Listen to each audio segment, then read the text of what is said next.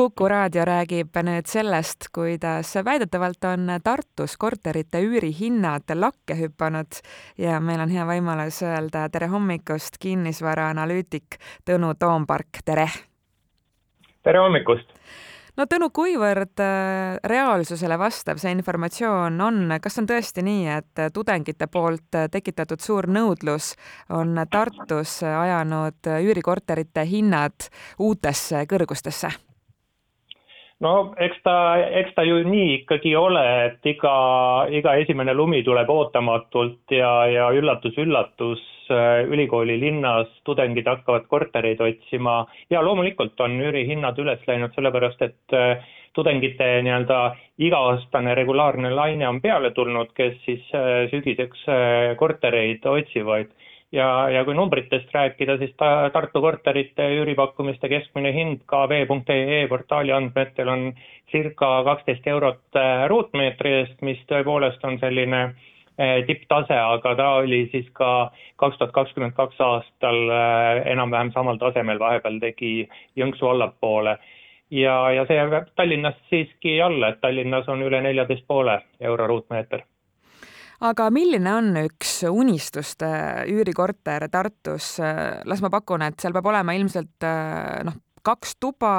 ma ei tea, jõevaade, oma aed ja veel, ma ei tea, pood, pood ka lähedal ja, ja, ja samas, et, et ka naabrid ei oleks lähedal, et oleks äh, piisavalt palju privaatsust. no eks see kinnisvaraäri on niimoodi, et alati kas korterit siis ostes või üürile võttes samamoodi tuleb äh, teha mingeid kompromisse ja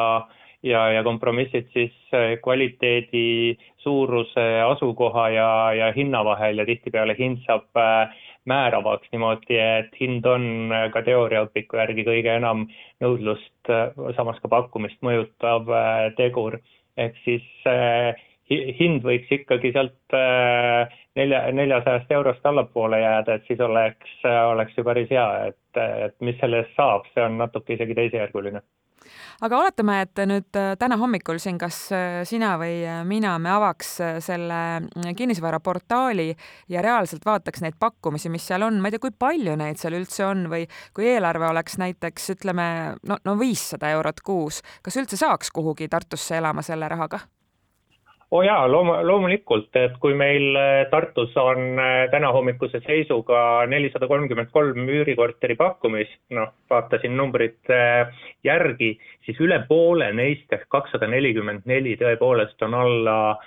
viiesaja euro, aga et kui me võtame hinna juba natuke madalama ehk nelisada eurot, siis sada kolmkümmend viis pakkumist jääb ehk siis niisugune kolma, noh, üle kolmandiku Äh, pakkumistest. ehk, ehk siis jah, et igasuguse asukohaga ja igasuguse kvaliteediga pindu on ja, ja öelda nüüd täna, eks, et meil on selline üürinõudluse iga-aastane regulaarne laine on peale tulemas, et korterid on otsa saamas, nii päris öelda ei saa, sest nelisada kolmkümmend kolm pakkumist Tartu kohta on ikkagi niisugune täitsa nagu adekvaatne number, et me ei saa öelda, et mingi meeletu ülepakkumine oleks, aga, aga et neist ka puudu oleks, äh, nii päris öelda ei saa, et võib-olla me kuu aja pärast äh, augusti lõpus räägime pakkumiste arvu osas muidugi teist juttu, sest järjest enam inimesi ärkab ja, ja märkab seda, et, et tõepoolest ülikooli vastuvõtukiri on tulnud aga kas on võimalik teha mingisuguseid üldistusi ka selle kohta, et kes on üürileandjad, et kas pigem on tegemist selliste nii-öelda professionaalidega, kes ongi kortereid hulgim siis kokku ostnud ja tegelevadki nende üürile andmisega või on ikkagi suur osa ka nii-öelda tavainimesi, kellel siis erinevatel põhjustel on kas vaja või võimalik midagi välja üürida? Ütleme niimoodi, et Eesti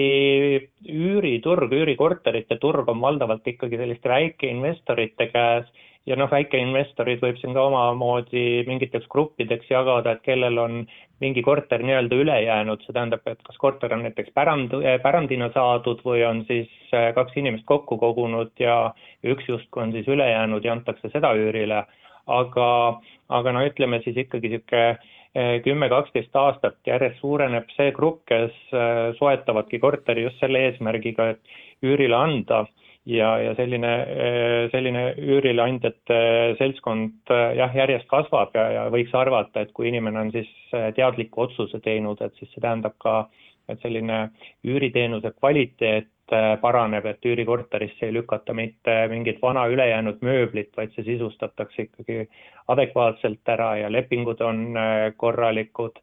et, et, et järjest niisugune investorite osakaal suureneb ja no investoreid on igasuguseid, eks, et kellel on kaks korterit, kellel kakskümmend ja on ka selliseid, muuhulgas Tartu kandis, kellel kolmekohaline number nüüd äh, pakkumisel.